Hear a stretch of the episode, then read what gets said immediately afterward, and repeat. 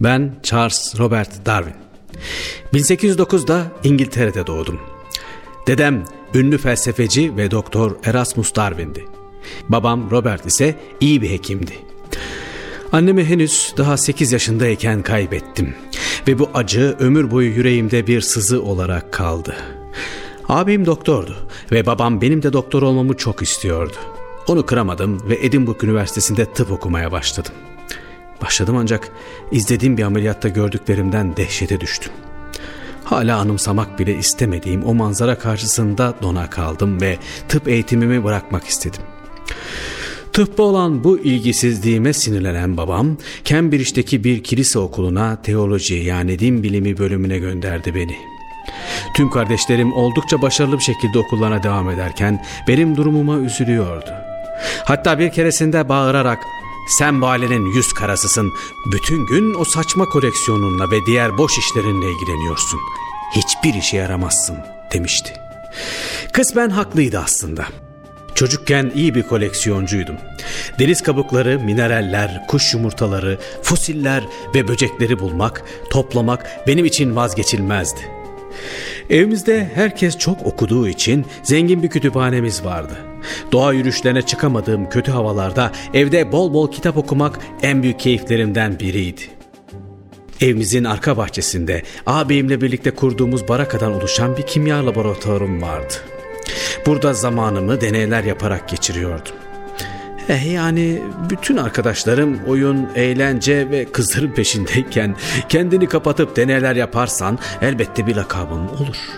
Okur arkadaşlarım deney düşkünlüğümden dolayı bana gaz diyorlardı. Ha sonraki yıllarda Beagle gemisinde araştırma yaparken kaptan bana Fellows diye sesleniyordu. Filozofun kısaltmasıymış. Asıl komik olan ise gemi mürettebatıydı. Doğadan toplayıp gemiye getirdiğim onlara göre süprüntülerden dolayı bana sinek kapan takmadığını vermişlerdi. Daha çocukken gezginlerin gizemli okyanuslara ve kıtalara yaptığı yolculuklar ve yaşadıkları olağan dışı maceraların öykülerini okumak hayal dünyamda kocaman kapılar açmıştı.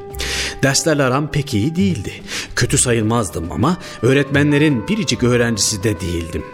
Farklı kaynakları okumasaydım, çevremde olup biten şeyleri gözlemleyip notlar almasaydım, bilimle uğraşırken neyi, nasıl yapacağımı ve ne bulduğumu anlamak olanaksız olacaktı.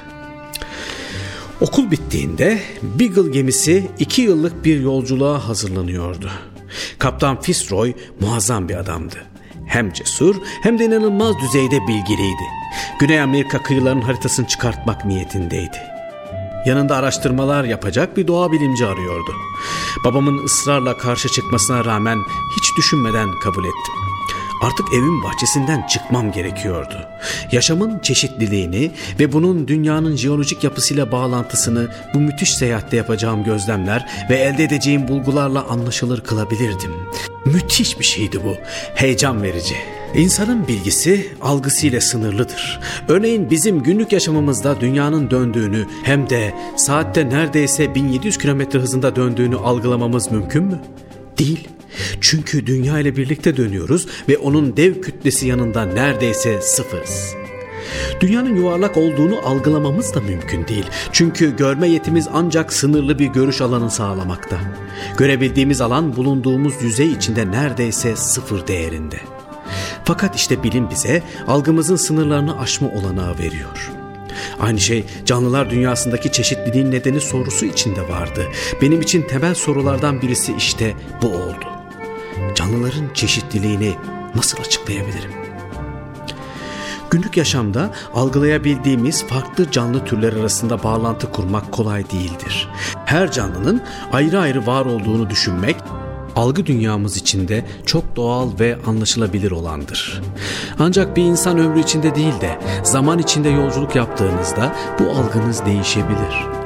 Zamanda yolculuk bireyin zaman içinde yolculuk yapması mümkün olmadığına göre ki belki gelecekte olur, bu soru nasıl çözümlenecektir? Tabii ki zaman yolculuğunu yaşadığımız dünyada yaparak. Yeryüzü katmanları arasında bulunan geçmişte yaşamış canlılara ait kalıntılar, fosiller ile bağlantılar kurabilecek bir akıl bize yol gösterebilir. İşte 1831 yılında tüm hayatımı değiştirecek o olağanüstü yolculuğa başladım. Henüz ilk günlerde Kaptan Fitzroy bana ünlü jeolog Lyell'ın Jeolojinin Temelleri kitabını vermişti. Kıta ve kara parçaların oluşumunu anlatan bu kitabı uzun yol boyunca keyifle okudum ve gezdiğim yerlerde benim rehberim oldu. Lyell bu kitabında jeolojik oluşumların bugün de devam eden çok yavaş gelişen süreçlerin etkisiyle çok uzun çağlar sonucunda oluştuğunu savunuyordu.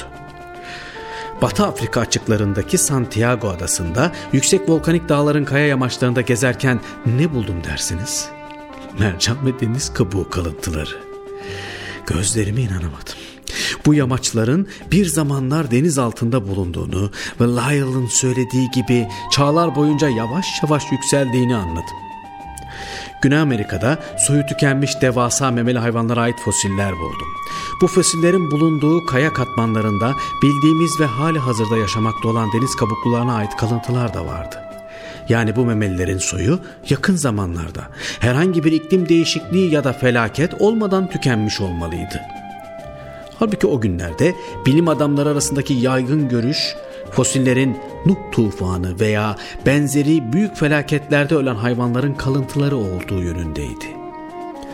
Anakaranın yakınlarındaki adalarda ise hemen hemen hiç memeli hayvan yoktu. Adalardaki canlıların dağılımı ve çeşitliliği, coğrafi konumu, iklim koşulları ve beslenme olanakları tarafından belirlenmiş gibi görünüyordu.''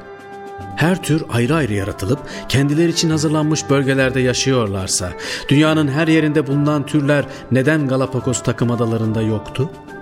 Ya da burada bulunan türler neden başka yerlerde özellikle insanın yoğun olduğu bölgelerde yaşamıyordu? Bitki örtüsü içinde kalın gövdeli orman ağaçları da yer almıyordu. Aynı enlemde yer alan Atlas Okyanusu'ndaki Yeşilburun adalarında yaşayan canlılarla burada yaşayanlar arasında hiçbir benzerlik yoktu. Galapagos'taki türler Güney Amerika'daki, doğu kıyısındaki diğer adalardakiler ise Batı Afrika'daki türlere benziyordu. Sorular, sorular, sorular. Her gördüğüm yerde kafam iyice karışıyordu. Özellikle Galapagos adalarının kuşları beni şaşkına çevirmek için yaratılmışlardı. Kara tavuk, çalı kuşu ve ispinoz diye topladığım 12 türün aslında hepsinin ispinoz alt cinsine ait farklı türler olduğunu anladığımda başka türlü bir açıklama getirmek zorunluluğu doğdu. Galapagoslara özgü başka bir canlı da kaplumbağalardı. Yerel halk kaplumbağaların tipinden hangi adaya ait olduğunu anlayabiliyordu. Adaların bitki örtüsü büyük değişkenlik gösterdiğinden belli ki ispinoz ve kaplumbağa toplulukları yaşayabilmek için besin çeşitliliğiyle uyumlu bir değişime uğramışlardı. İki yıl sürmesi gereken gemiyle yolculuğum tam beş yıl sonra bitti. Tüm gözlemlerim ve bulgularımı kırmızı defterde tutuyordum. Türler arasındaki çeşitliliğin ilişkilerini gösteren ilk çizimimi de burada yaptım. Ve buna evrim ağacı adını verdim.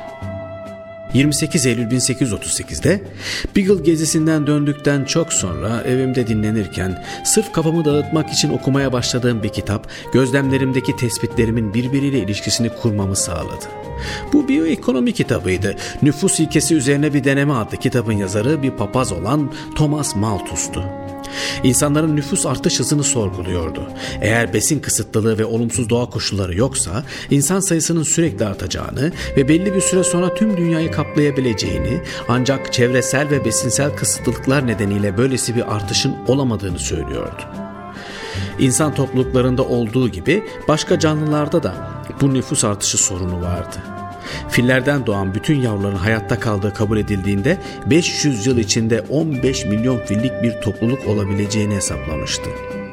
Canlılar hayatta kalacak olandan çok daha fazla yavru yapıyordu. Fakat gerçek yaşamda doğal ayıklama adını verdiği bir mekanizma aşırı nüfus artışını mekanik olarak denetliyordu. Yaşam mücadelesinde bireyin hayatta kalmasına yardımcı olan özellikler doğal seçilim yolu ile korunuyordu. Doğal seçilimin iş görebilmesi için türün bireyler arasında çeşitliliğin olması gerekiyordu. Beni garipsemeyin. Benim zamanımdaki bilgi düzeyi ile bu çeşitliliğin nedenini ve mekanizmasını çözmüş durumda değildik. Genetik materyallerimiz, DNA vesaire vesaire. Genetik materyalin ne olduğunu veya mutasyon kavramını elbette bilmiyordum. Papaz Mendel'in genlerle aktarımını ispatlayacak bezelyeleri henüz ekilmemişti. Hele ki Watson ile Crick'in çift salman DNA'yı keşfetmesi için benden sonra daha 100 yıl geçmesi gerekiyordu. Neyse o kadar yoğun çalışıyordum ki çok az uyuyor ve düzenli beslenemiyordum. Kalbimden rahatsızlanınca çalışmalarıma ara verip akrabalarımın yanına taşındım. Kuzenim Emma da aynı evde kalıyordu. Ondan hoşlanmaya başladığımı fark ettim. Günlüğüme kuşlardan, böceklerden farklı olarak Emma'ya olan aşkımı da yazmaya başladım. Aşk güzel de evlilik meselesine kafam epey karışıktı. Sonuçta yine de evlenmeye karar verdim ve babama da danışarak 1838'in Temmuz ayında evlilik teklif etmek için Emma'ya gittim. Ama teklifi yapmaya cesaret edemedim.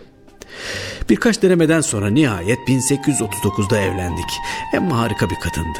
Benim gibi bir kocayı da başka bir kadın çekemezdi sanırım. Tam 10 çocuğumuz oldu.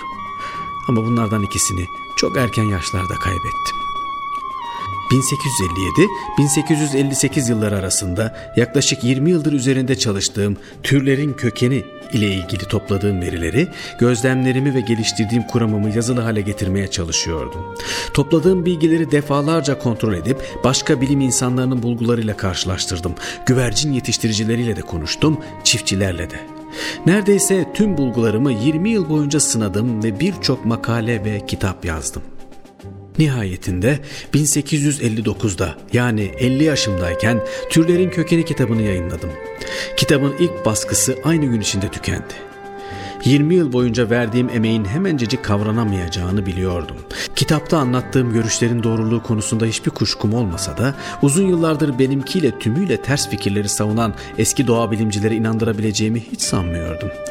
Fakat geleceğe umutla bakıyordum ve sorunu tarafsızlıkla değerlendirebilecek genç ve yetişmekte olan doğa bilimcilerden umutluydum.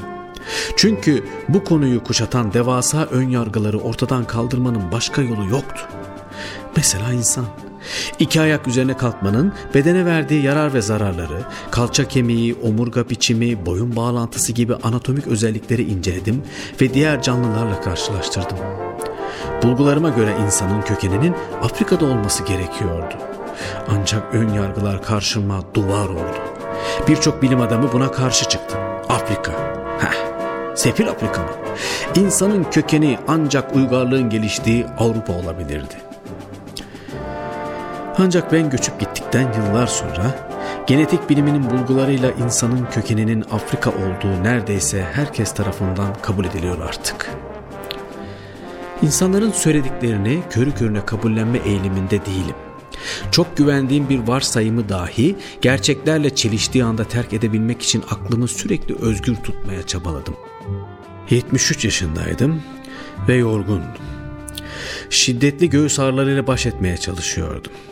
Son günlerde oğlum Frank'ın yaptığı deneylere bile gözlemcilik yapamaz hale geldim. Sevgili eşim Emma'nın kollarında yaşama gözlerimi yumacağım. Sizlere 80 bin sayfayı bulan notlar, 33 farklı dilde çevrilmiş, 109 baskı yapmış 16 kitap bırakıyorum. Sakın unutmayın. Ne en güçlü olan hayatta kalabilir ne de en zeki olan. Hayatta kalan değişime en çok uyum sağlayabilendir.''